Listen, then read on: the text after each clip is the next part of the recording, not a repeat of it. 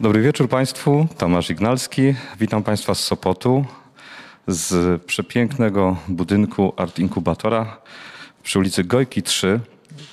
Znajdujemy się e, w tym miejscu na szóstej z kolei debacie pod tytułem Gojki 3 Lab. To tytuł cyklu e, debat, a dzisiejsze spotkanie nosi enigmatyczny tytuł Za granica kultury. Rozmawiać będziemy o kulturze, która realizowana jest poza granicami naszego kraju, kulturze realizowanej przez e, polskich twórców, polskie instytucje. E, Będziemy rozmawiać, e, czy ta kultura ma jakiś wspólny, spójny wymiar, czy jest nieskoordynowanym jakimś sumą działań poszczególnych artystów, twórców, instytucji. Będziemy rozmawiać w gronie mm, ekspertek, pań, które praktykowały organizowanie, realizowanie kultury, praktykują realizowanie kultury za granicą. Jest z nami pani Agata Grenda, witam serdecznie.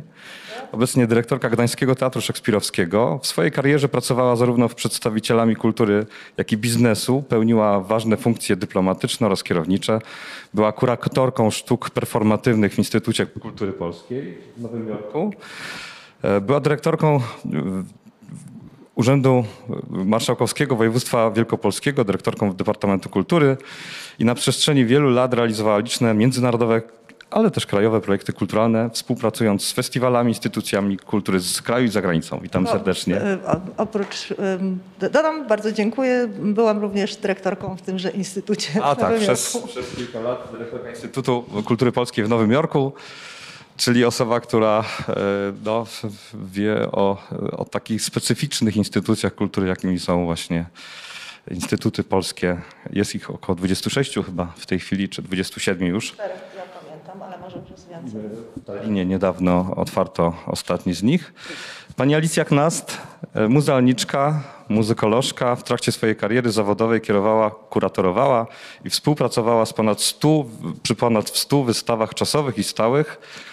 Zrealizowała m.in. wystawę stałą Muzeum Chopina, wystawę główną Muzeum Polin, nową siedzibę Muzeum Śląskiego oraz projekty rewitalizacji terenów po byłej kopalni węgla kamiennego. Od 2021 roku pełni rolę dyrektora generalnego w Galerii Narodowej w Pradze. Witamy serdecznie. Dobry wieczór. I y, znak czasów, drodzy Państwo, jest z nami nie osobiście, nie osobiście, ale jest z nami i widzimy y, panią Kasię Świętochowską. Kasia Świętochowska, producentka kreatywna, klasycznie wykształcona wiolonczelistka, obecnie związana z zespołem Science Now i Stellar Fireworks, z którym przez ostatnie dwa lata współtworzyła wystawę stałą pawilonu Polski na Expo 2020 w Dubaju. Wcześniej prowadziła m.in. projekty specjalne Narodowej Orkiestry Symfonicznej Polskiego Radia w Katowicach. Rozwijała także programy Instytutu Adama Mickiewicza. E, Dwa kluczowe programy Polska Music i iCulture Or- Orchestra. Absolwentka m.in. Google for Startups Founders i Akademii Aspen Young Leaders Perform. Witamy serdecznie Pani Kasiu. Dzień dobry. Dodam jeszcze, że koncepcję i koordynację całego projektu, za koncepcję i koordynację całego projektu Gojki 3 Lab odpowiedzialna jest pani Marta e, Szadowiak, która jest z nami. Nie widzimy pani Marty, ale czuwa nad całością. E, Drogie panie, e, tak jak powiedziałem na początku, temat kultury polskiej za granicą jest obszerny i pewnie nie zgłębimy go dzisiaj w ciągu jedno, jednego spotkania, w ciągu jednej godziny, bo to zarówno temat, e, tak jak zapowiadaliśmy w zaproszeniu do tego spotkania tak zwanego produktu kulturowego, narodowego produktu kulturalnego, czy e, tak jak pytaliśmy poza Chopinem, Lechem Wałęsą, papieżem, mamy obecnie jakieś nowe marki, które e, są rozpoznawalne globalnie jako element polskiej kultury. Pytanie, czy takie marki nam są w ogóle potrzebne? Czy to nie jest myślenie anachroniczne o tym, że powinniśmy poszukiwać takich marek?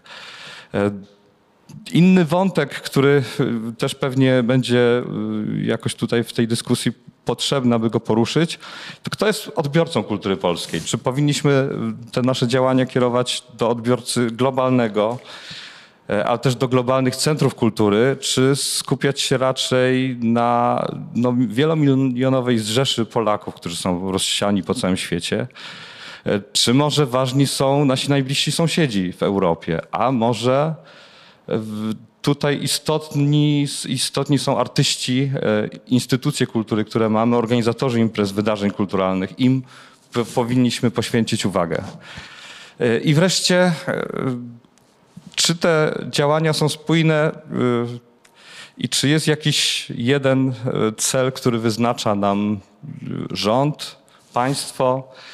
E, Raport NIK-u opublikowany w 2018 roku, pod koniec 2018 roku, e, krytykuje koordynację instytucji publicznych odpowiedzialnych za kulturę polską za granicą. Wylicza, że jest około 120 takich instytucji. E, Część z nich prowadzonych przez Ministerstwo Kultury, kolejna część przez Ministerstwo, przez Ministerstwo Spraw Zagranicznych. NIK twierdzi, że nie ma żadnej wspólnej strategii działań. E, Oczywiście wiemy, że po tym raporcie minister kultury i minister spraw zagranicznych spotkali się, obiecali, że od tej pory będą jakieś programy i spójna polityka. Pytanie, czy taka spójna polityka w ogóle musi być? Czy rozproszenie nie jest szansą na przetrwanie polskiej kultury e, w dzisiejszych czasach? E, I do, pytanie do pań jako do praktykujących organizowanie kultury polskiej za granicą. Co jest potrzebne, aby ta kultura e, no, niosła sobą jakieś wartości, była, e,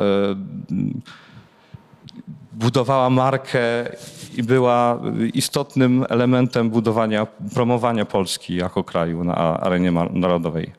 Co jest takiego specyficznego, co odróżnia działania e, w kulturze poza granicami naszych, naszego kraju do tych, które tutaj u siebie realizujemy w kraju? Pani Agata. E, Czy zadał Pan taką liczbę pytań, że nie wiem od e, którego zacząć, bo już wydaje mi się, że zapomniałam te pierwsze, przepraszam. Troszkę e, potrzebuję pomocy, na które z nich mam najpierw Rozumiem. odpowiedzieć. No to powiedzmy tak, organizowała Pani, realizowała Pani wiele wydarzeń poza granicami kraju. Czy jest jakaś specyfika, która odróżnia te działania od tych, które realizujemy tutaj na miejscu? Oczywiście specyfiką jest inny odbiorca, ale czy, czy, czy one wymagają jakiejś specjalnej pomocy instytucji publicznych? Ja pracowałam przez 7 lat w Instytucie Kultury Polskiej w Nowym Jorku e, i miałam to e, ciekawe doświadczenie, że w latach 2006-2011, kiedy byłam jego wicedyrektorką, e, pracowałam z poprzednią władzą. Właściwie wszystkie władze się trochę zahaczyła mi w tamtym okresie, ale wtedy ta polityka kulturalna była zdecydowanie inna niż polityka kulturalna, e, której doświadczyłam e, pracując z władzą obecną już jako dyrektorka Instytutu w latach 2000 15 i 17. E, Myślę, że ona była na tyle inna, że właśnie dlatego podziękowano mi też za współpracę, tak jak innym moim kolegom prowadzącym instytuty i obecna władza po prostu się z nami rozstała, bo pewnie nie realizowaliśmy właśnie wszystkich patriotycznych i historycznych, e, pewnie według tej władzy e, odpowiednio dobrze założeń, e, co oczywiście nie jest prawdą, ponieważ w ogóle takie założenia, które instytuty mają od zawsze, priorytety Polska, polskie misje dyplomatyczne i Polskie Ministerstwo Spraw Zagranicznych ma od zawsze. E, I te priorytety są bardzo różne w zależności od tego, kto jest ministrem, jaka jest władza polityczna. Niestety to jest bardzo e, upolitycznione. One są co roku jakoś ogólnie przekazywane w expose ministra spraw zagranicznych. No w tej chwili widzimy zdecydowanie, że są to priorytety historyczne, e, narodowościowe, suwerenne, dbające o polskość, tak jakby e, tak jakby to, co my na ten temat myślimy, jakby co planujemy, co chcemy, miało jakieś znaczenie dla, to znaczy to, że my powiemy odbiorcy, że my chcemy teraz, żeby on się cieszył i doceniał naszą narodową sztukę, on ma na to przystać i powiedzieć, aha, dobrze, tak jest priorytet Polski, więc będę go teraz doceniał. Niestety to tak nie działa i w w promocji e, kultury polskiej za granicą, przede wszystkim dla nas e, w instytutach, bo do, do tamtego czasu jakby się odnoszę swojej pracy. Najważniejsza była współpraca z partnerami i tutaj odniosę się do pytania, które tutaj padło, czy Polonia, czy, czy Polonia, czy publiczność lokalna. No dla nas, myśmy pracowali w dyplomacji publicznej. Dyplomacja publiczna to jest docie- docieranie do najbardziej opiniotwórczych środowisk danego kraju. Z pozytywnym przekazem do Polsce, o, o Polsce, ale też z taką misją, aby ten przekaz był zrozumiany, aby polska perspektywa była doceniana, szanowana e, i aby słowo Polska było odmieniane przez wszystkie przypadki w najlepszych możliwych kontekstach. E, Myśmy dużo współpracowali wtedy też z Instytutem Adama Mickiewicza, więc Myślę, że pani Kasia zna doskonale te wszystkie terminy też, które ja używam i o których mówię, bo, bo one nam przez lata towarzyszyły.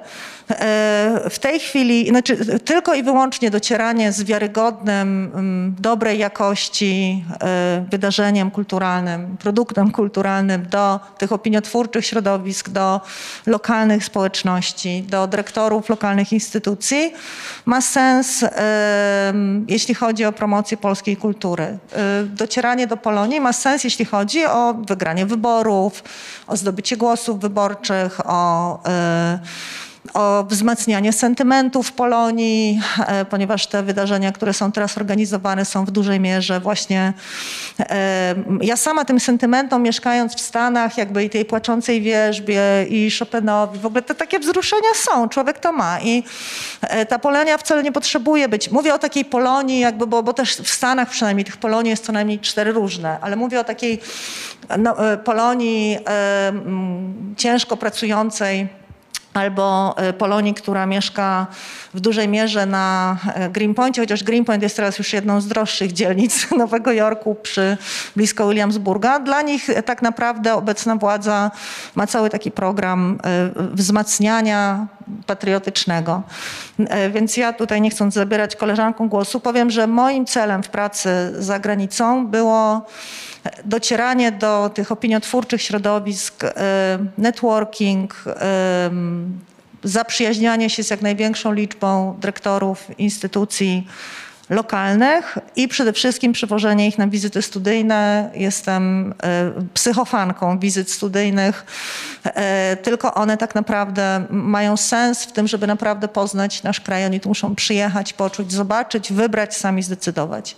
Potem mogę jakby kontynuować wątek, jeśli będzie potrzeba. Mówimy o tym, że to, to y, ukute sformułowanie dobre, bo polskie, no jest y, głęboko nieprawdziwe, bo dobre, bo dobrej jakości powinno być, a nie, nie tyle polskie, że y, ta kultura właśnie historyczna, narodowa, która w tej chwili jest promowana za granicą, spycha nas na przykład w rankingu światowych marek narodowych na kolejne miejsce. Jesteśmy już w tej chwili po wszystkich sąsiadujących krajach, Słowenia, Słowacja, Czechy, mimo że to są narody o wiele mniejszej populacji, y, mają wyższe rankingi w markach narodowych niż my, co pokazuje, że ta, ta kultura oparta na sentymentach zagranicznych no nie do końca jest e, skuteczna, ale e, i tu pytanie do pani Alicji, czy jest w ogóle szansa na odpolitycznienie kultury realizowanej poza granicami na, naszego kraju i w jaki sposób to robić? Myślę, że warto być pragmatycznym. Po pierwsze, e, Czesi nie zakładają, że e, pracuję bardzo blisko w tej chwili z Ministerstwem Kultury. Często rozmawiamy o obecności kultury czeskiej w innych krajach. E, Czesi mówią w ten sposób, jeżeli nie będziemy podpisywać umowy o współpracy z jakimś krajem, jeżeli nie mamy konkretnie finansów na tę współpracę, a jeżeli Państwo chcą współpracować, pamiętam, mieliśmy taką inicjatywę w Galerii Narodowej, żeby współpracować pomiędzy Czechami a Saksonią, to, to wtedy to róbcie to na poziomie instytucji. I nie, mm, nie oczekujcie od nas, będziemy teraz manipulować e, tymi, tymi relacjami, jakie zachodzą pomiędzy w świecie artystycznym. E, To jest wasza rola. Więc e, bardzo mi się to podobało. Zaczęłam się zastanawiać, przy- przypomniałam sobie, jak często m, wypełniamy w instytucjach kultury w Polsce e, wszelkiego rodzaju propozycje współpracy zagranicznej dla wszystkich dyrektorów instytucji kultury czy instytucji, które, które są e, pod auspicjami ministerstwa, czy też e, w urzędach marszałkowskich. To jest zmora, bo musimy często w bardzo krótkim okresie powiedzieć, co akurat, e, z jakim krajem, jak współpracowaliśmy. I to są, i to są prośby, które pojawiają się w związku z wizytami dyplomatycznymi, które przyjeżdżają do Polski. E, To nie ma nic wspólnego z realną, em, z realną obecnością kultury polskiej za granicą. I Czesi mówią, nie będziemy niczego podpisywać, bo to nie ma sensu, współpracujcie. Więc e, myślę, że to jest bardzo e, e, zdrowe podejście.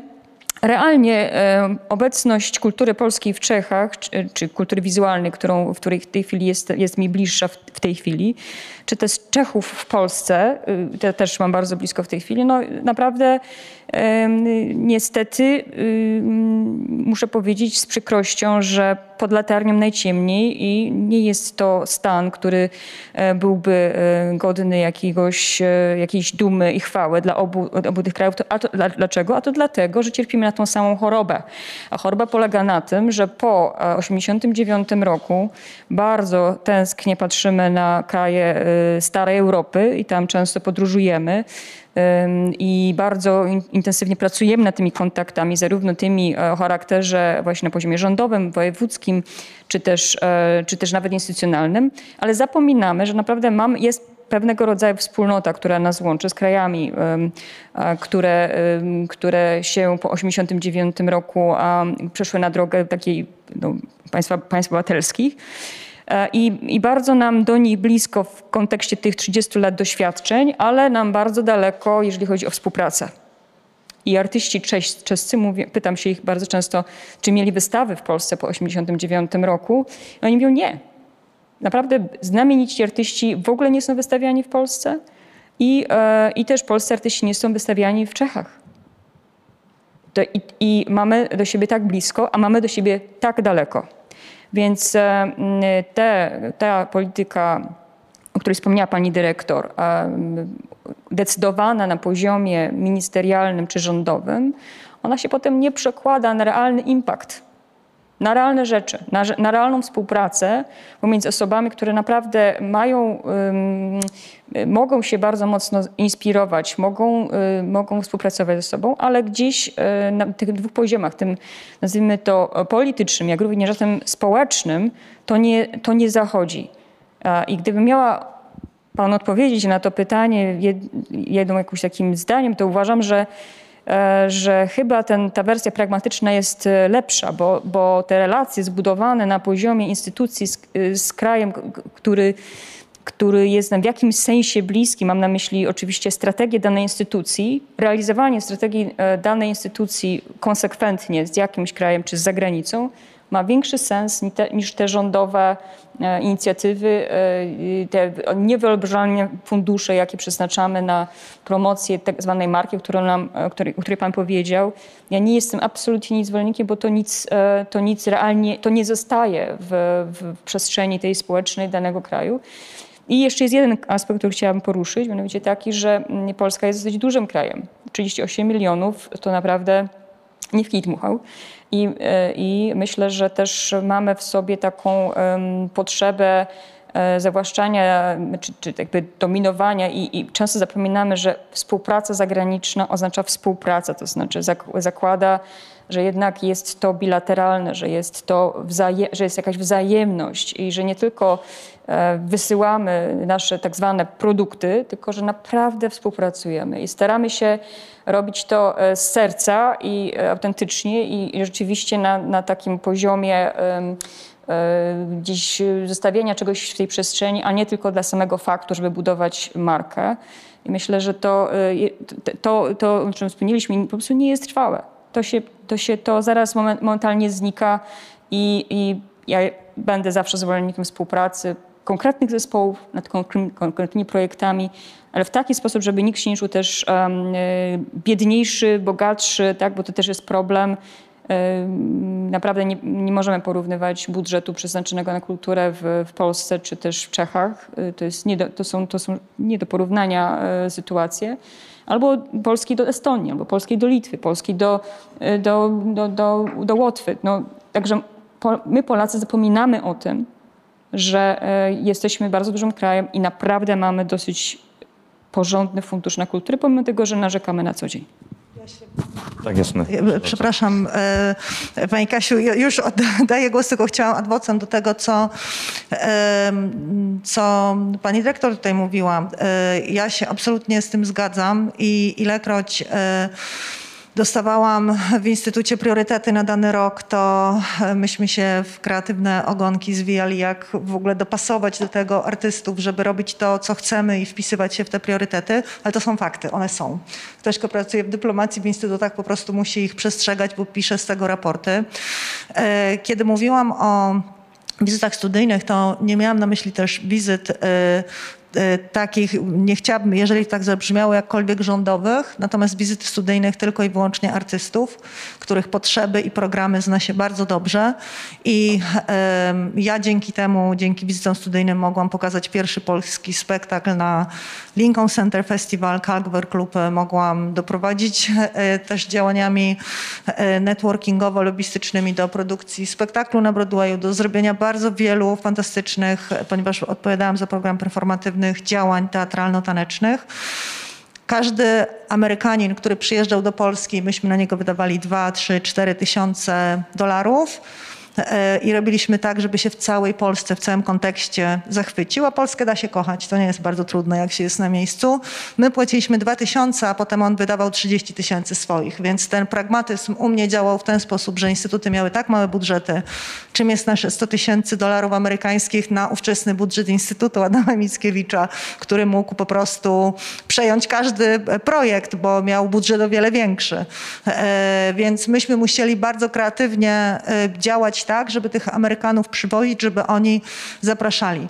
Na szczęście, pan wspomniał o, tej, o tym, spotkaniu e, Ministerstwa Spraw Zagranicznych i Kultury. To jest o tyle ważne w tej rozmowie, że powiedziałabym przed 2015 rokiem instytuty, które były pod Ministerstwem Spraw Zagranicznych, nikt się nimi specjalnie nie interesował. To znaczy myśmy naprawdę mogli robić, e, wysyłaliśmy te raporty, ale to była jakaś kultura, myśmy coś robimy, fajnie, że promujemy jakieś sztuki, spektakle, super, że mamy recenzję w New York Timesie. I Ministerstwo Spraw Zagranicznych, wiadomo, że priorytetem jego nie jest kultura. Niestety, kiedy nagle okazało się, że w tych krajach są bardzo duże rzesze potencjalnych wyborców, nagle te instytuty stały się bardzo łakomym kąskiem dla obu tych resortów w promocji wartości politycznych, tych, które chcą przekazać. Więc teraz ta sytuacja jest zupełnie inna. Czyli ten uścisk dłoni wcale nie musi oznaczać, że to jest jakaś pozytywna e, historia, tylko może to... Nie, rywalizacja o instytuty była zawsze między tymi dwoma resortami. E, zawsze. Od kiedy ja pamiętam. Pani Kasiu, oddamy Pani głos e, tak. w tej chwili, bo chciałbym też dopytać, e, Pani jest producentką e, działań w kulturze opartych o nowe technologie.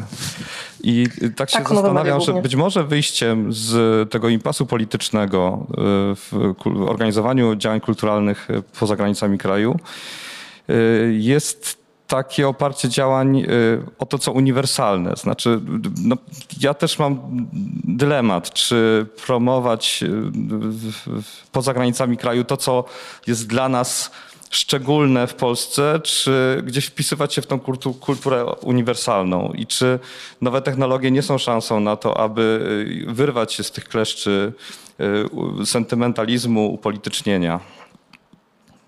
Znaczy, e, tak, to jest e, bardzo złożone pytanie i myślę, że jest parę aspektów, do których chciałabym się też odnieść e, w nawiązaniu do tego, o czym, powiedziały, o, o czym powiedziałaby pani dyrektor. Po pierwsze, myśląc, e, właśnie chciałabym, żeby nie zabrzmiało, jeszcze wracając do tematu Polonii, chciałabym, żeby to nie zabrzmiało wartościująco e, odnośnie do myślenia o na przykład o decydentach versus, e, versus społeczności Polaków mieszkających za granicą. Wydaje mi się, że to, co jest super istotne, to też o czym obie Panie wspomniały, to jest trochę jak w geopolityce, to jest zarządzanie zasobami. Więc dotarcie do decydentów powoduje, że budowanie e, o, środowisk opiniotwórczych powoduje możliwość budowania relacji, dzięki którym to potem schodzi jeszcze na poziomy niżej, a w związku z tym dociera do lokalnych społeczności zamieszkujących, e, zamieszkujących e, dany obszar e, geograficzny. Ale myśląc o nowych mediach, rzeczywiście jest tak, że mm, w tym środowisku te podziały stricte geograficzne, rozumiane jako e, podziały na kraje, narodowości, e, powoli się zacierają. I jeśli mówimy o tych najnowszych gałęziach przemysłów kreatywnych, jak chociażby o game devie albo, e, albo e-sporcie, tam rzeczywiście e, te podziały na, e, na, na rzeczy dziejące się w Polsce versus reszta świata trochę się zacie- zacierają z racji tego, że, że, że też e, uczestnicy e, tej, tej kultury, jakby tych e, konkretnych e, jakby osoby z, skoncentrowane wokół, wokół tych środowisk, e, jakby działają zupełnie, w zupełnie innych realiach, też rozumianych jako różne płaszczyzny, jakby funkcjonowanie jako, jako, jako grupa zogniskowana wokół, wokół tematu, którym się interesują. E, więc myślę, że zastanawiając się dzisiaj nad tym, na przykład, jak, jak, jakie to są proporcje, z pewnością jest to trend, który będzie się rozwijał i to też nie jest tak, że w tej chwili mówimy o tym, że nie chciałabym, żeby to zabrzmiało w ten sposób, że, że rzeczywiście, że kultura narod, nawet nie tyle narodowa, co skierowana do e, konkretnej publiczności władającej danym językiem nie jest istotna, bo to ma znaczenie. To znaczy, że e, kraje niemieckojęzyczne będą preferowały e, jakiś sposób odbierania kultury, uczestnictwa w kulturze, albo też tematy, które będą ich interesowały i nie możemy się na to obrażać i raczej to jest to, o czym powiedziała pani Alicja, to jest kwestia wypracowania e, sposobu dialogu e, z tamtejszą publicznością i znalezienia punktów stycznych, dzięki którym można wypracować coś, co, co rzeczywiście będzie rodzajem współpracy. E, natomiast myślę, że rzeczywiście ta tendencja w stronę w stronę środowisk e, cyfrowych, e, które ogniskują się jakby poza, poza podziałami narodowymi, e, będzie się rozrastała i rzeczywiście może to być e, rodzaj, nie chcę powiedzieć ucieczki, dlatego że znów chciałabym, żebyśmy wrócili do tego, że, że to nie jest kwestia wartościowania tego, że, że ten sposób jest lepszy, czy ten sposób jest gorszy. Myślę, że e, myślenie o takiej centralizacji, że teraz jesteśmy w stanie wszystko e, zebrać w jeden, e, w jeden program, który będzie e, bardzo szczegółowo ustalony i też będzie bardzo jasno określał kierunki tej polityki, e, jest utopijny, dlatego że, że, że jakby tych rzeczywistości jest mnóstwo i, i raczej one działają w sposób bardzo, bardziej zdecentralizowany i rozproszony. To jeszcze dopytam Pani Kasiu, oczywiście nie ma jasnych odpowiedzi y, i tutaj też się nie spodziewam, że to będzie jednoznaczna odpowiedź, ale czy nie jest, nie ma takiej obawy, że ta kultura oparta na nowych technologiach, nowych mediach, gdzie granice państw się zacierają y, i gdzie Polska ma bardzo wiele y, no, do powiedzenia, bo choćby gry komputerowe i wiele innych takich aspektów kultury, po- powiedzmy popkultury, my jesteśmy w czołówce. Czy nie, nie ma groźby roz, rozpłynięcia się Polski i tych polskich twórców w takim globalnym rynku usług w tym zakresie? I czy to jest zagrożenie, czy szansa, że staniemy się takim globalnym środowiskiem? Właśnie py- pytanie, czy to źle, że jesteśmy częścią tego globalnego środowiska e, i pytanie, e, którym komunikatem powinno być to, że jesteśmy z Polski. E, Nie znam, nie znam odpowiedzi na to pytanie, dlatego że wydaje mi się, że, że, że, że to są bardzo płynne rzeczy, które się, e, które się wciąż zmieniają. E, Wydaje mi się, że ten kierunek, że e, jakaś polska gra jest super popularna, a potem okazuje się, że jest z Polski, jest, tą, tym, jest tym właściwym jakby stawianiem priorytetów i komunikatów. Przynajmniej tak jest w mojej ocenie. Pani Agata już powiedziała o tym, że ta bilateralna współpraca między instytucjami, między środowiskami jest dosyć istotna. Tak się zastanawiam, czy być może to nie jest przyszłość dla polskiej kultury, że ona będzie rozproszona, że to nie będzie właśnie, tak jak tutaj pani Kasiu, y, pani mówi, jakaś jedna strategia, tylko że nauczymy się tutaj w Polsce, a instytucji kultury, które mają w statucie współpracę międzynarodową jest no, kilkaset co najmniej, jeżeli nie więcej. Czy nie powinniśmy na zasadzie gościnności, wzajemności właśnie tych relacji e, budować taką politykę kulturalną mm, małych, e, ma, małych kameralnych współprac albo współprac na, na poziomie regionów czy lokalności? Myślę, że pandemia tutaj wiele złego zrobiła i niczyja to nie jest wina, po prostu taki mamy e, w tej chwili czas że te współprace środowisk i miast e, trochę straciły na znaczeniu, ale przecież duże ośrodki miejskie w Polsce mają znakomite e, doświadczenia związane ze współpracą zagraniczną. Może to jest droga na uniezależnienie tej e, działalności kulturalnej od, no, od ryzyka upolitycznienia. Pani Alicjo. Myślę, że, że, że to jest ciekawe, co Pan mówi, bo, bo każde miasto ma miasta partnerskie swoje, gdzie te wystawy, te, te wystawy sobie wędrują pomiędzy tymi miastami i rzeczywiście zarówno prezydenci, burmistrzowie, jak i, i obu, obu tych miast, jak i instytucje kultury współpracują.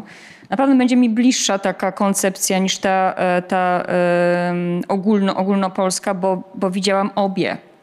E, Jako kurator Muzeum Chopina, no, no, ja to trochę nazywam, że byłam wtedy woźnym trochę, bo otwierałam cały czas drzwi, e, zapraszając delegacje zagraniczne e, do zwiedzenia Muzeum Chopina, bo on był właśnie tym produktem, e, produktem em, narodowym, w związku z tym chcieliśmy pokazać to, co najlepsze i też bardzo często odpowiadaliśmy pozytywnie na wszelkiego rodzaju zaproszenia na wystawy zagraniczne. Zresztą, zresztą y, trudno się temu dziwić. Natomiast patrząc na e, ten czas, e, kiedy pracowałam w województwie śląskim, na ten wymiar, wymiar samorządowy, no bardzo, bardzo ciekawe współprace. Na przykład, nie wiem czy Państwo pamiętają, ale e, w pewnym momencie e, poszczególne województwa zaczęły pracować z Republiką Adżarską Gruzji.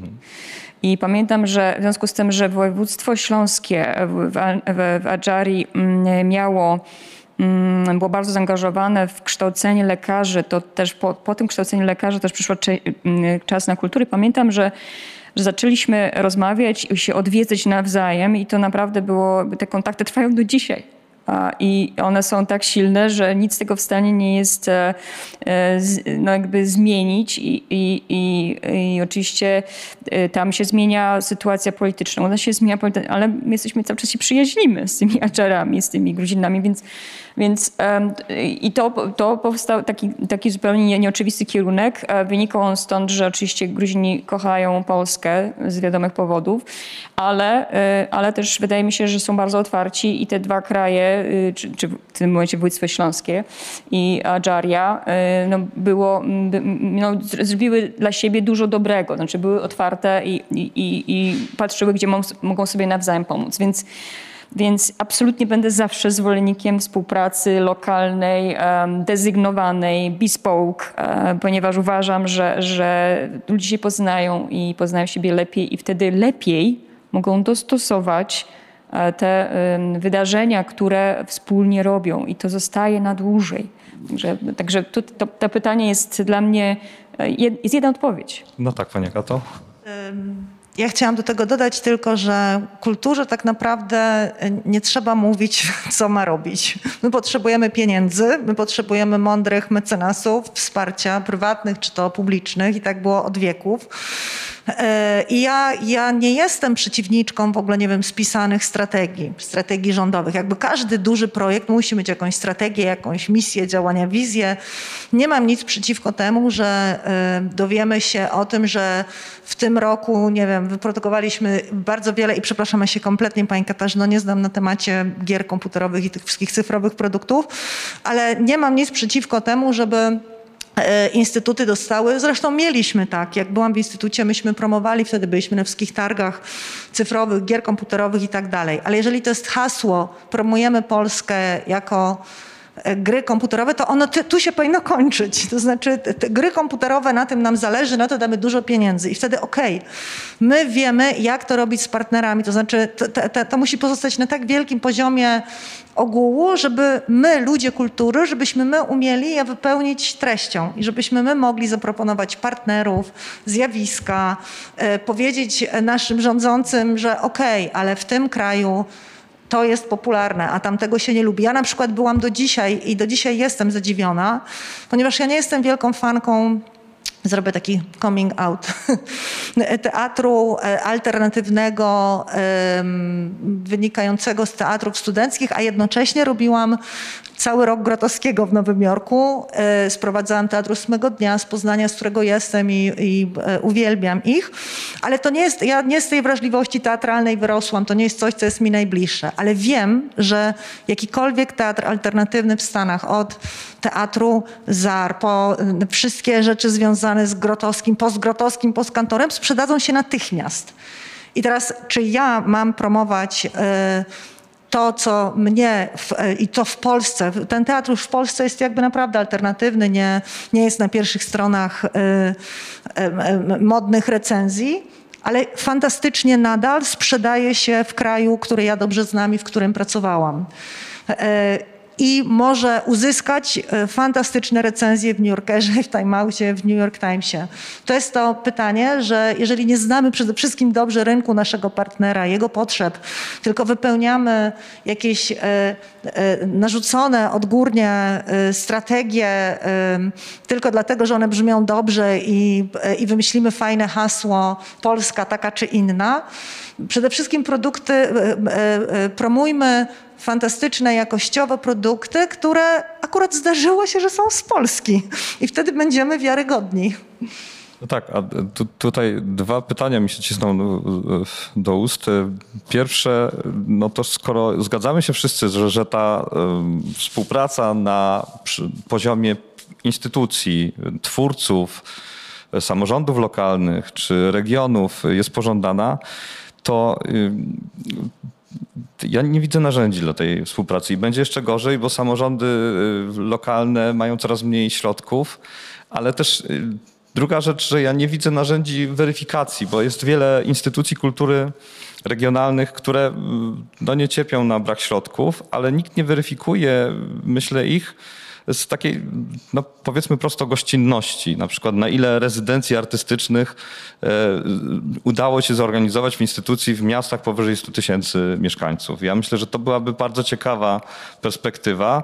Samorządy lokalne wydaje się, że e, no, nie, nie traktują tego jako priorytet ale też nie widzę narzędzi politycznych czy takich narzędzi systemowych, które by mogły pomóc regionom, pomóc, nie wiem, stowarzyszeniom. No, mamy oczywiście kilka programów ministerialnych, kilka programów unijnych, ale być może uniwersyte, instytuty polskie, których jest no dwadzieścia kilka, zgodziliśmy się, gdyby one były tym pośrednikiem między instytucjami y, w Polsce, a lokalnymi instytucjami na miejscu, y, może tych instytutów jest za mało, może one powinny być jeszcze w miejscach takich jak Ameryka Południowa czy Azja y, i wtedy byłoby lepiej. Nie wiem, czy, czy macie Panie jakieś pomysły na takie narzędzia, które by pomogły w tym?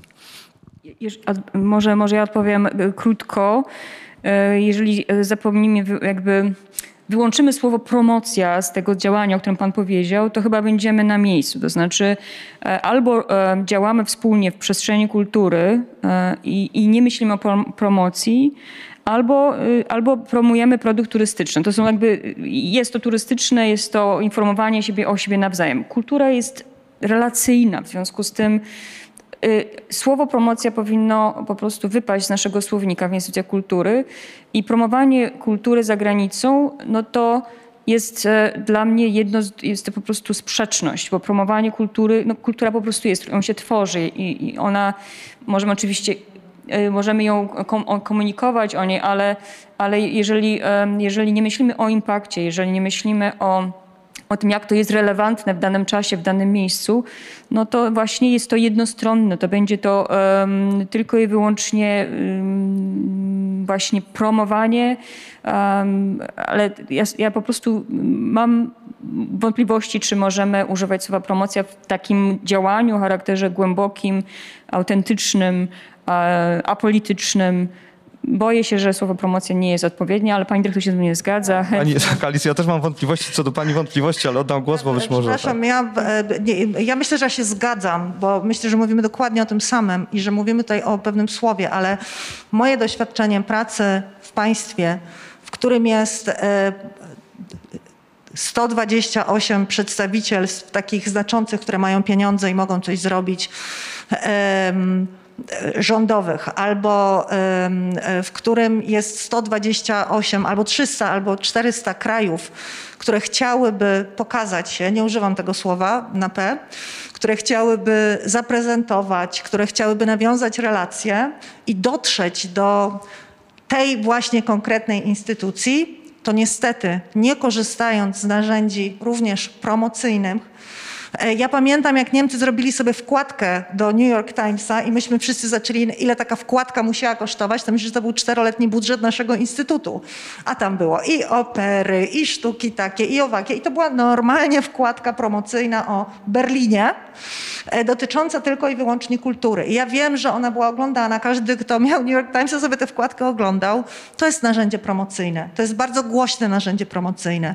W kraju, ja mogę tylko mówić o swoich doświadczeniach amerykańskich i polskich, w którym jest tak wielka konkurencja i w którym kultura jest, e, jakby no ja jestem z tych, którzy uważają, że widz jest klientem, a kultura jest produktem. Niestety po tej stronie jestem i uważam, że jest produktem najwspanialszym, najlepszym, naj, najbardziej nam potrzebnym do życia. E, Ale w dzisiejszym świecie, kiedy my nie konkurujemy już z innym teatrem, my na przykład jako Teatr Szekspirowski, tylko z Netflixem, z HBO, z pandemią, z tym, żeby ludzie oderwali się od e, smartfonów i chcieli do nas przyjść, my musimy używać tych narzędzi, kiedy wiemy, że mamy tylko trzy sekundy skupienia kogoś w social media, promocyjnych. I tutaj używam tego słowa, więc ja myślę, że my mówimy o tym samym. Ja nie mówię o kulturze jako o jakimś produkcie do sprzedaży, tylko raczej o narzędziach, z których musimy korzystać, żeby być zauważonymi. Tylko i wyłącznie o tym. Tak, ja pani chyba Kasiu? będę to, będę próbowała to łączyć, to znaczy, że wydaje mi się, że to są rzeczywiście dwa elementy tego samego, tego samego świata.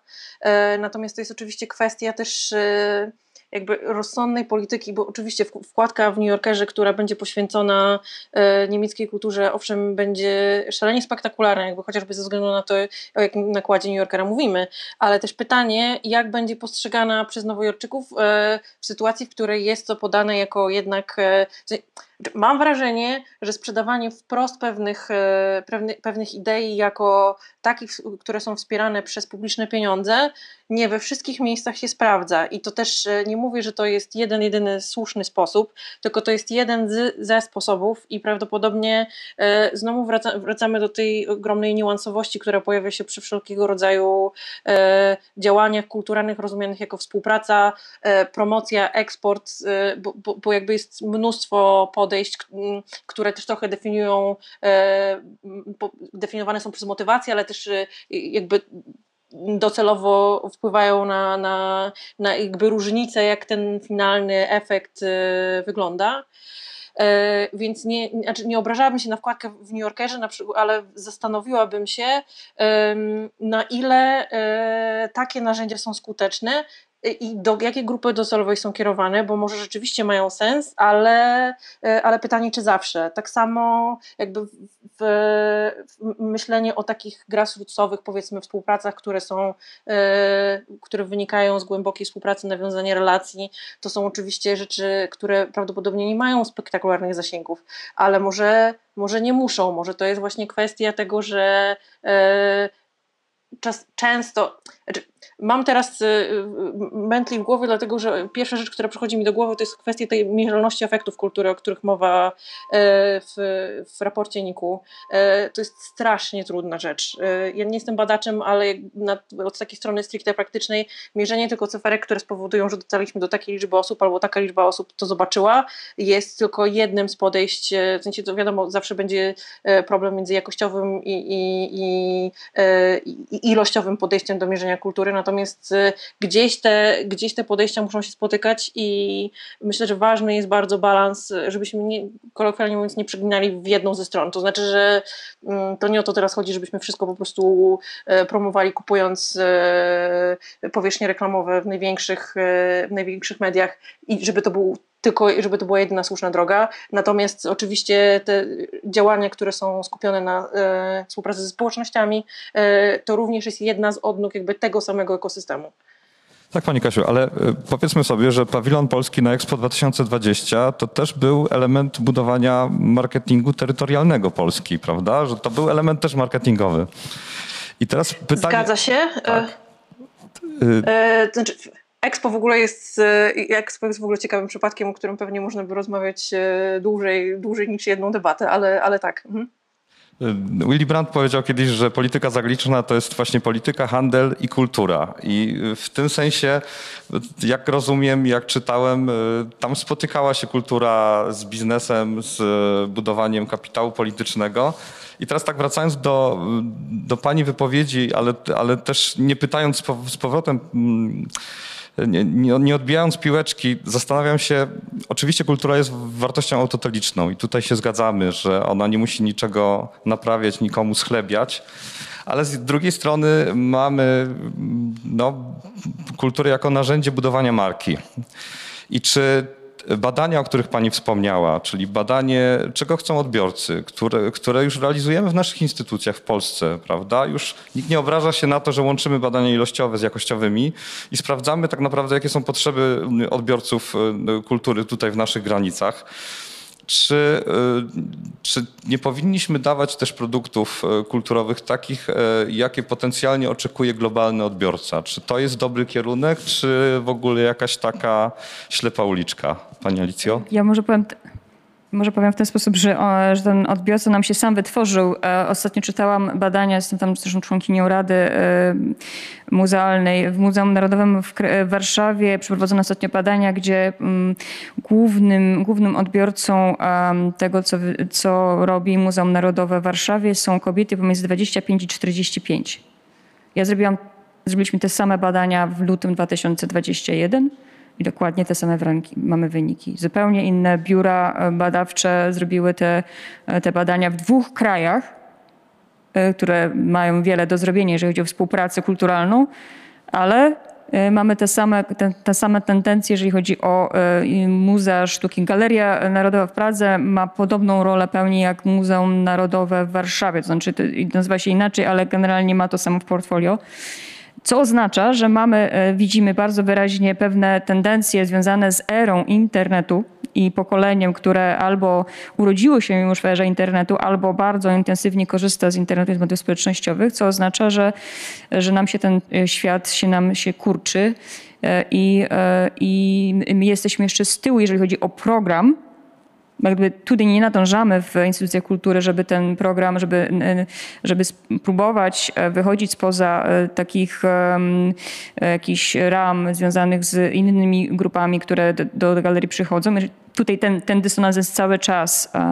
Natomiast odbiorcami są właśnie, jest ta grupa i to są powiem jeszcze to, co jest dla mnie bardzo, bardzo trudne do zaakceptowania, e, kobiety.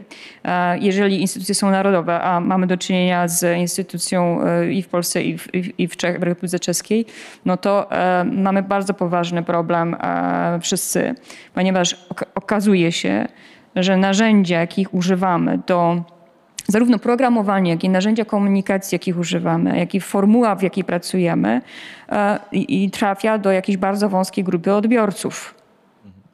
I, e, I, jest to, e, pomimo tego, że, że jestem dyrektorką kobietą, to, to no naprawdę musimy wszyscy w naszej instytucji przeformułować sposoby, w jakich pracujemy. I to się, to się dzieje już, już teraz, co oznacza, że po prostu wybieramy inne kanały komunikacji niż dotychczas i zobaczymy, czy, czy, ten, czy, ten, czy ta wskazówka drgnie w jakimś stopniu, ale mam nadzieję, że tak, ale, ale sytuacja naprawdę nie jest, nie jest ciekawa, bo to oznacza, że, że, że te pieniądze podatników idą na, na, mm, e, na program dla osób, które, do których to nie trafia na nieefektywną y, komunikację. E, no i tak e, dochodzimy do takiego e, nurtującego pytania, czy w ogóle jesteśmy w tym światowym obiegu kultury, czy, czy i co zrobić, abyśmy trwali. Rozumiem, że nowe media trochę pomagają w tym, tak jak pani Kasia powiedziała, ale czy my w ogóle mamy szansę nadążyć mentalnie, organizacyjnie za tym, co się dzieje na świecie w aspekcie zmian, które zachodzą bardzo szybko w tej chwili, tak, pani Katarzyno? Czyli ja mam takie pytanie, w sensie jak rozumiemy ten światowy obieg kulturalny, bo wydaje mi się, że to jest y, bardzo podchwytliwe pytanie. To, to czego. No, nie chciałem o to zapytać, ale pytanie, czy granice państwa nie staną się granicami mentalnymi? To znaczy, czy, czy przez to, że, no jak już powiedzieliśmy, wybieramy w tej chwili tą kulturę opartą na tradycji, na tożsamości, gdzieś tracimy kontakt. Niestety nie pomaga w tym sytuacja epidemiczna, ale mogłyby pomóc media nowe. Tracimy kontakt z tym, co jest tu i teraz dzisiejszej kultury. Tracimy kontakt z tą kulturą, która jest kulturą krytyczną, zadaje pytania na poziomie globalnym. Też pytam o edukację kulturową w aspekcie międzynarodowym. Jak zadbać o to, aby po pierwsze instytucje czerpały z kultury światowej, były tym obiegu, nie były anachroniczne i czy, czy, czy jest na to jakiś sposób systemowy? Pani Agato. No to jest e, trudne pytanie, ponieważ e, jakby tro, troszkę z jednej strony oczywiste, że, że tak, tracimy, promując e, określony rodzaj kultury. Widzimy teraz to, co ja jestem głęboko poruszona tym, co się dzieje wokół dziadów Mai Kleczeskiej, krakowskich i właśnie tego, co należy promować i tego, że minister Gliński powiedział, że jest jednak jakaś granica w kulturze, której przekraczać nie wolno i pewna, pewna granica kontrowersji, której przekraczać nie wolno. Ja myślę, że już samo właśnie to zdanie jest przekraczeniem, właśnie to jest ta granica tej kontrowersji, że, że to jest tak e, e, e, jakby to jest tak jasne i tak e, dla mnie oczywiste, że ja trochę nie wiem, jak on się odnieść, bo wydaje mi się, że to są jednak e, pytania retoryczne, przynajmniej w tej pierwszej części. Czy my nie tracimy promując e, i narzucając kulturze nasze, tej światowej kulturze nasze wartości, aby je przyjęła jako te najbardziej atrakcyjne w danym momencie? No, oczywiście tak. Tak jak pani dyrektor tutaj inkubatora powiedziała, że że rezydenci artystyczni, którzy siedzą czasami tutaj w Sopocie po 2-3 miesiące, zmieniają trochę otoczenie, zmieniają trochę mentalność ludzi, z którymi pracują. E, I być może to jest jakiś antidotum. No, ale to o tym już mówiła pani dyrektor, przepraszam, że wejdę słowo. Tak. Ta oddolna rezydencja, wymiany, ja mówiłam o wizytach studyjnych, jakby my w kulturze nie potrzebujemy tych parasoli. Ja, ja jako dyplomata musiałam ich przestrzegać, ale e, jakby jednocześnie to, to wszystko jest pod nimi. My ich potrzebujemy, potrzebujemy pieniędzy, bo, e, bo jakieś ramy są niezbędne do działania państw. Natomiast to tylko od dołu się dzieje. Jak się jeden artysta z drugim nie zgada, nie zakocha, nie, jeden dyrektor instytucji nie pójdzie, nie pojedzie na wieś i pani dyrektor nie zobaczy na jakiejś polskiej wsi czegoś fantastycznego, co można by przewieźć albo na rezydencję zaprosić artystę, to to się nie wydarzy. My, my nie możemy nadać kulturze żadnych ram instytucjonalnych tylko dlatego, że chcemy. Tylko, że to jest wtedy ryzyko, że to będzie intuicyjne. Znaczy, jak, jak zachować jakość nie, nie cenzurując? Ale to już jest też trochę rozmowa na przykład o menadżerach kulturalnych, których w Polsce według mnie nie ma przesadnie wielu wybitnej jakości, tak mhm. bym rzekła. E, I to tutaj są na przykład, tu jest bardzo wiele do zrobienia w kształceniu światłych, mądrych e, kuratorów, menadżerów, e, ludzi, którzy tak naprawdę mogą, którzy znają się na rzeczy i potrafią łączyć kropki. No, to tu jest ta robota do zrobienia. Mhm. Tak, Pani Kasiu? Ja się zastanawiam jeszcze cały czas nad tym, e, nad kwestią tej strategii, bądź jej braku, e, bądź jakby wyznaczania tych ram i gdzie są jej granice. Bo z drugiej strony myślę sobie, że oprócz tego bardzo swobodnego e, podejścia, które podejrzewam, nie wiem, myślę, że mogę mówić dwie nogi, ale nam jako praktyką kultury ono jest, daje nam więcej swobody i więcej możliwości e, do, do kształtowania tego podług e, też naszych estetycznych jednak preferencji. Natomiast zastanawiam się, czy, czy gdzie, kwestia tego balansu jak zwykle jest bardzo trudna, ale wydaje mi się, że, że na przykład, nie wiem, E, e, o, o, w pewnym sensie może obrażamy się na rocznicę, bo, bo, bo są tym takim bardzo patetycznym e, sposobem kultywowania historii. Natomiast nie wiem, czy, czy znaczy, oczywiście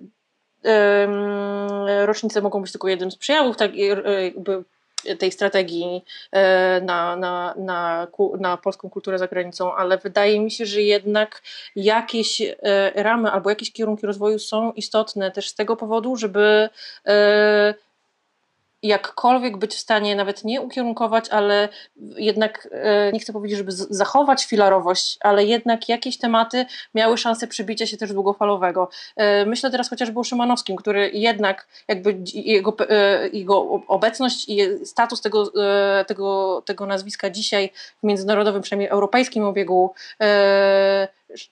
filharmonicznym czy szeroko rozumianym jako, jako obiekt muzyki klasycznej jest zupełnie inny niż powiedzmy 20 czy 25 lat temu. Jakby to jest jednak jakaś ścieżka dochodzenia do e, jakby budowania tych cegiełek po to, żeby, żeby na jakimś takim bardzo szerokim poziomie jednak tę politykę kulturalną e, za granicą kształtować, więc e, zastanowiłabym się, czy takie kompletne nie, również na wątki historyczne, czy to jest najlepszy, czy to jest najlepszy kierunek, bo uważam, że powinniśmy znaleźć balans.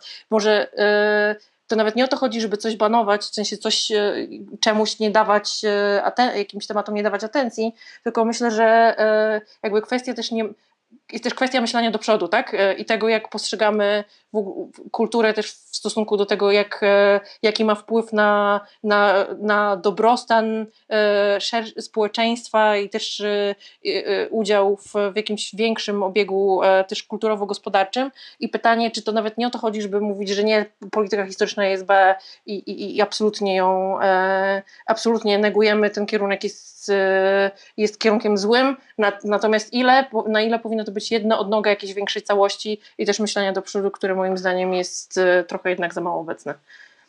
Tak, pani Gata. Ja bym się chciała do tego odnieść, bo wydaje mi się, że ja o tym mówiłam i em, tak jak powiedziałam, że każdy duży projekt potrzebuje jakiejś ramy, struktury. Jeżeli chcemy coś gdzieś e, przekazać, jeżeli chcemy, aby jakieś zjawisko gdzieś zaistniało, to musimy mieć na to jakiś pomysł. Nie mam nic przeciwko temu, że dostajemy od e, naszego kraju, nawet na poziomie e, ministerialnym, wytyczne, że w tym roku kraj przeznacza pieniądze na rok polski, e, chociaż ja akurat te mm, lata polskie, no dobrze, nie wchodźmy teraz w lata polskie, że mamy, e, że mamy rok jakiś, no, o ile to nie jest rok kolejnego mężczyzny co roku wybitnego e, i, i o ile jakby promujemy różnorodność w tym zakresie, to tutaj dla mnie powinno się to skończyć. To znaczy, jeżeli jest lem, mężczyzna oczywiście, e, to nic więcej ludzie, którzy znają się na kulturze nie potrzebują. To my najlepiej wiemy, to jeżeli nawet, chociaż na szczęście pani dyrektor nie ma, mam nadzieję, takich wytycznych, ale nawet jeżeli jej rząd czeski dałby jej lem, to to jest koniec, to to jest ten poziom ogólności, na którym powinniśmy przestać. Nic więcej. I ja jestem pewna, tak, ja jestem pewna, że pani dyrektor wie doskonale, co z tym hasłem zrobić.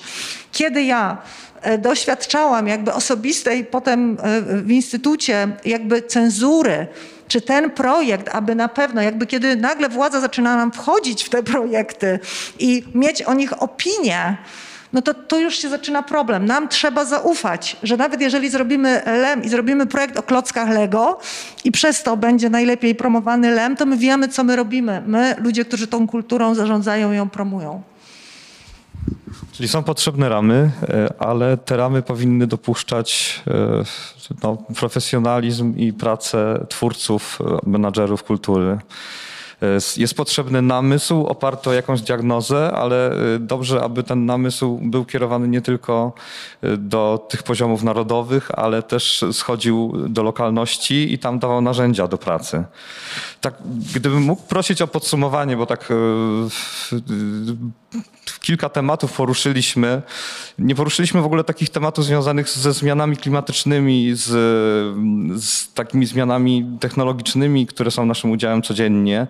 Em, I one dzieją się bardzo dynamicznie. Właściwie mamy globalne wyzwania i kultura e, polska powinna też na nie odpowiadać. Czy jest tu jakaś rola właśnie do planowania strategicznego w tym zakresie? Czy to jest czy to jest raczej e, zadanie dla aktywistów, e, e, działaczy kultury, artystów, czy też powinniśmy to systemowo rozwiązać? Y, Ja właśnie wróciłam z Irlandii, gdzie byłam na takim szczycie, zgromadzeniu e, International Festival Association, dyrektorów instytucji e, kultury.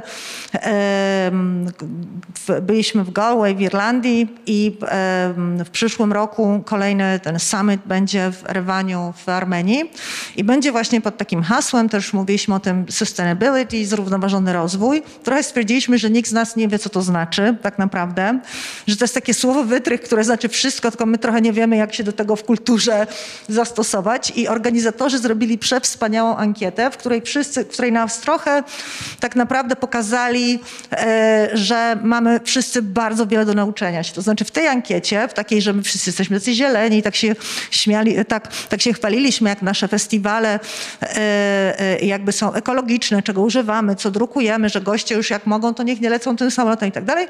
I tam było pytanie, jaki twój festiwal zostawia ślad węglowy? handlowy. I my wszyscy w ogóle mówiliśmy, nie mamy zielonego pojęcia, jaki nasz festiwal zostawia ślad węglowy. Więc zanim my się w ogóle za to zabierzemy, ja na przykład osobiście bardzo bym chciała, żeby mnie ktoś dobrze wyedukował. Naprawdę, ja nie, ja nie... e, I stwierdziliśmy na tym, e, na tym to, oto zgromadzeniu, że, że jest taka propozycja, żeby bardzo dobrze przebadać jakiś duży festiwal, żeby pozostałym członkom też w ogóle dać narzędzia, jak badać taki ślad, jak my, e, bo to, że my o tym bardzo głośno mówimy, ja bym się chciała d- bardzo dobrze nauczyć, jak wykorzystywać ten zrównoważony rozwój w kulturze. Może teraz wszyscy Państwo to wiecie i tylko ja nie, ale myślę, że tu jest jeszcze bardzo dużo do zrobienia dla nas i ja bym widziała tu dużą rolę edukacji. Pani Alicjo?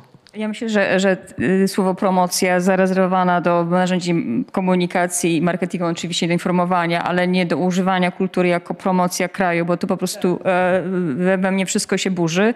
To po pierwsze. Po drugie, e, na pewno będę zawsze mówiła, że, że jeżeli to, dopóki, dopóki na świecie mam na miejsce, em, mam, mają miejsce różne potworne wydarzenia, które zaprzeczają fakt, że my wiemy, kto, jak być człowiekiem. Póki tak jest, dopóty kultura jest bardzo potrzebna. I, e, i może być przy taki moment, że nie będziemy jej potrzebować, chociaż wątpię. Ale e, tak, e, kiedy widzę impact tego, co robimy, mam na myśli nie, nie tylko dobrostan, nie tylko y, to, że ktoś wychodzi y, szczęśliwszy, zrelaksowany z instytucji, którą prowadzę, ale również wiem, że to, że to powoduje jakiś taką, jakąś taką, y, taki, taki namysł nad, nad światem i, i efektów tego, co robimy, my nie dostrzegamy, ale czuję, że one są. Dopóty tak jest, no to, no to, no to pracujmy w kulturze, współpracujmy i miejmy też na uwadze to, że okres pandemiczny niestety spowodował, że to, o czym dzisiaj mówimy, jest właściwie pod wielkim znakiem zapytania. Bo proszę zauważyć, że normalnie w normalnych real- realiach na pewno był tu gość z zagranicy. No ja po, po, trochę jakby pełnię te dwie role, bo przyjechałam z Pragi czeskiej, ale, ale y, normalnie byśmy o tym y, rozmawialibyśmy o tym inaczej. E, Dzisiaj te wszystkie projekty zagraniczne są y, ryzy- ryzyko- ryzykowne i w nie w ogóle nie wchodzimy, czyli kierujemy się do środka bardzo mocno, co też, co też nam na pewno nie, nie, nie buduje, więc zwracam tylko na to uwagę, ale to dygresja. Natomiast te parasole, jak powiedziała pani dyrektor, one niech, one niech będą w dyplomacji, owszem, ale z drugiej strony y, ta pragmatyka działania i taka y, głębia i mm, pewna też ludzka strona tego, tej współpracy, znaczy budowanie tych relacji nawet własnych, wydaje mi się, że to jest, e, to jest najistotniejsze. A propos dy, tych dyrektyw, e, to w, w Czechach, jeszcze y, a propos sytuacji polskiej, ja pozwolę sobie powiedzieć, że, że w momencie, kiedy społeczeństwo jest naprawdę obywatelskie, to te wszel- wszelkiego rodzaju mechanizmy takiej e, cenzury, a potem co się z tym wiąże, autocenzury, która następuje w instytucjach kultury, one nie, następują, ponieważ prędzej czy później ktoś, y, ktoś jak gdyby to no powie, że był cenzurowany i, i powie to w mediach i, i koniec i polityk jest y, skończony, tak? Więc tak jest w normalnych krajach. W Polsce tak niestety nie jest em, i ta autocenzura y, jest największym, jaka zachodzi w Polsce. Mam na myśli dyrektorów Instytucji Kultury, którzy niestety muszą patrzeć na to, jaki, jaką, jaka, reakcja, jaka reakcja powstanie po danej, danym przedsięwzięciu, no jest, jest, no jest cofa nas o lata świetlne każdego roku.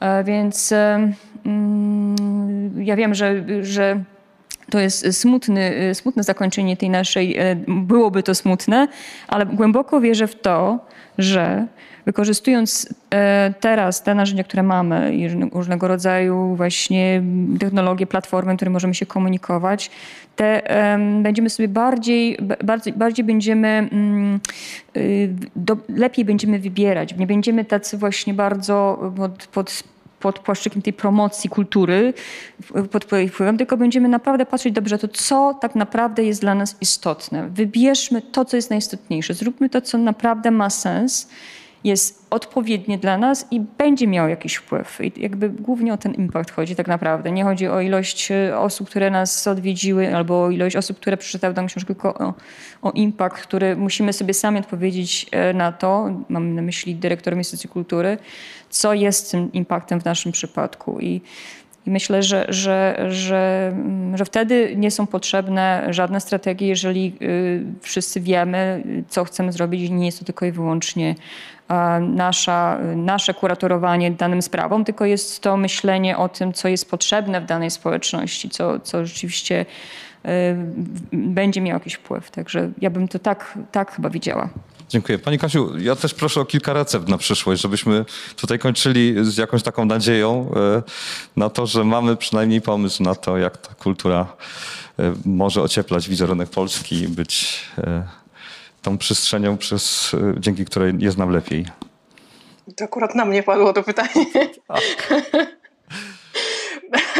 znaczy, myśląc o, o takich e, tak, próbie podsumowania też naszej dzisiejszej dyskusji, ja bym myślę, że, że to, co byłoby z, mojej perspektywy jest szalenie istotne, to rzeczywiście myślenie o, o takiej wielowymiarowości e, działań kulturalnych szeroko rozumianych, ale też właśnie jakby to ponadnarodowe myślenie o tym, e, do kogo mogą być skierowane, dlatego że, e, że ta tendencja społeczności ogniskujących się wokół danych tematów, zagadnień jakby wśród osób z kompletnie różnych miejsc na świecie, nie związanych z dużymi ośrodkami ani kulturalnymi, ani też metropoliami rozumianymi jako, jako, duże, jako duże centra, e, jest czymś, co myślę, że będzie nam towarzyszyło coraz częściej, również ze względu na kwestie pandemiczne, które na pewno, e, która na pewno miała wpływ na to, że, że, że jednak e, uczestniczymy w kulturze cyfrowo coraz częściej. Pewnie jakimś rodzajem wyzwania jest umiejętność jeszcze wyboru tego e, i dotarcia do, do, do treści, które mogą być dla nas interesujące, a które jakby w takim płaskim przekazie, e, gdzie sami sobie wytyczamy tę ścieżkę, jest, e, ścieżka jest dość skomplikowana. Ale myślę, że kultura to jest, znaczy jest to rodzaj banału, ale to jest jednak relacja z drugim człowiekiem. I myślę, że jeśli to stawiamy e, jako, jako tę podstawę e, naszej działalności, to, to jakby to kieruje optykę na właściwe tory i powoduje, że, że, że, ta relacja, e, nieważne czy między od, odbiorcą, uczestnikiem, czy też współtwórcami jest budowana jakby w zupełnie inny sposób. I myślę, że to jest taki fundament, na którym warto, można budować wszelkiego rodzaju działalności i działania kulturalne. Pięknie dziękuję Pani Kasiu. Dziękuję serdecznie Paniom. Szanowni Państwo, oczywiście możecie Państwo komentować e, nasze wypowiedzi e, na kanałach społecznościowych Art Inkubatora. Serdecznie Państwa zapraszam na kolejne spotkania w ramach cyklu Gojki 3 Lab.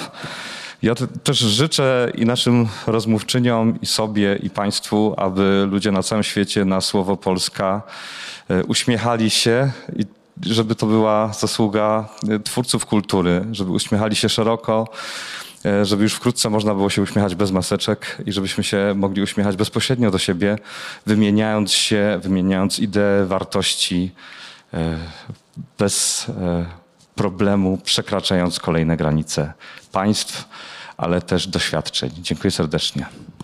Dziękujemy. Dziękuję. Dziękuję również. Dziękuję bardzo.